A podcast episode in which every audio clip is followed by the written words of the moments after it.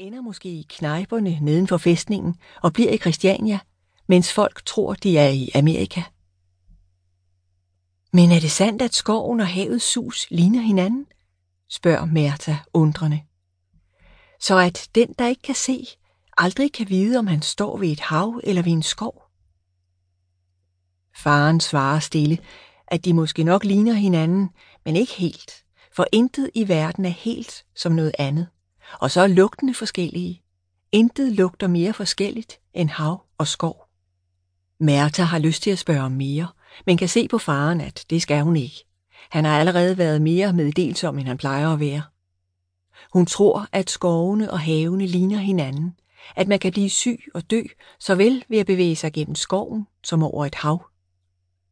Da Märta viste vej for to mænd fra Stockholm, der havde været både på Valkula og Lavåsen, og som skulle videre over grænsen til Nørje, var der kommet et lettelsens suk fra dem, da de stod på toppen af bjerget, hvor de kunne se ind over bygderne langs Glomas bredder.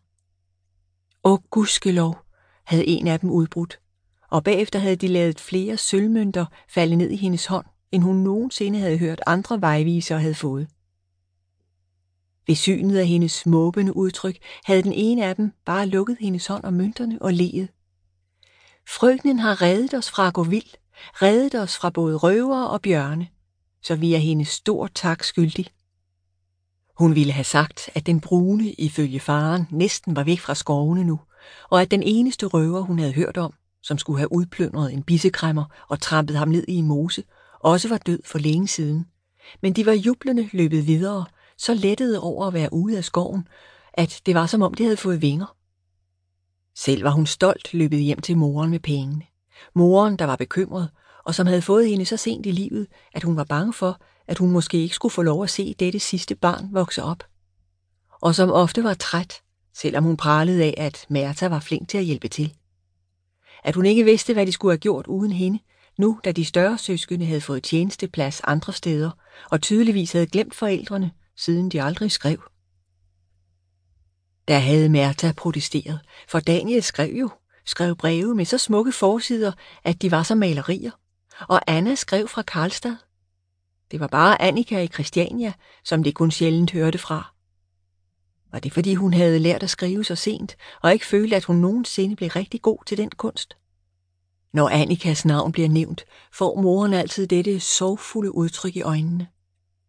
Mærta vender sig om på stenen, så hun får udsigt mod syd og vest, så langt, at hun næsten tror, hun kan se røgen fra Christianias skorstene. Moren bekymrer sig næsten altid for dem, der rejser derhen. Hvorfor det? Er det fordi en pige fra Stefanstorpet kom hjem fra sin plads i byen med et ansigt så vandsiret, at hun knap turde vise sig for mennesker? Hun havde haft det så slemt i det hus, hvor hun tjente, at hun havde taget imod hjælp fra en venlig mand, der ville redde hende, og som havde lavet hende bo på et pænt værelse og hjulpet hende med både mad og tøj, mod at hun til gengæld hyggede lidt om en af hans venner. Det blev hun belønnet for med en sygdom, der ikke bare kunne vandsige ansigter, men også spise af rygmarven og hjernen, ja, af selve forstanden. Den franske syge, syfilisen, straffen for menneskers svaghed, som ramte både høj og lav. Men de, der formåede at skjule den og havde råd til det, kunne, hvis de døde af den, på forhånd betale deres læge for at skrive noget andet i dødsattesten. Sådan kunne man slippe for skammen. I det mindste sparede man sine efterladte for den. Hvis der ikke blev født et barn med sygdommen, med løbende næse og forandringer i huden og skelettet, og senere halvmåneformede hak i de små tænder, ja, hvis ikke et uskyldigt barn også måtte lide. Mærta springer ned fra stenen, og faren rejser sig langsomt, mens han støtter sig til den. Fastbundet til et stativ på ryggen har han en del af en stor støbejernsovn, som man også kan lave mad på, for der skal komme nye tider til Mustamag. Lina skal slippe for at lave mad i kogehuset. Hun har ikke klaget, men har hun ikke kastet længselsfulde blikke på støbejernsovnen på både Suremæk og i den fine stue på Lavåsen? Og på en tur til Nørhe var hun blevet stående som fortryllet foran en smuk gammel jernovn med fuglemønster, som ejeren var interesseret i at sælge, viste det sig, da Tarneli fik et par ord med ham på Thomas hånd. Tarneli har kunnet liste nogle skillinger til side for tømmerhugst, som han har udført for andre, netop med tanke på en sådan ovn, men uden at nævne noget for Lina.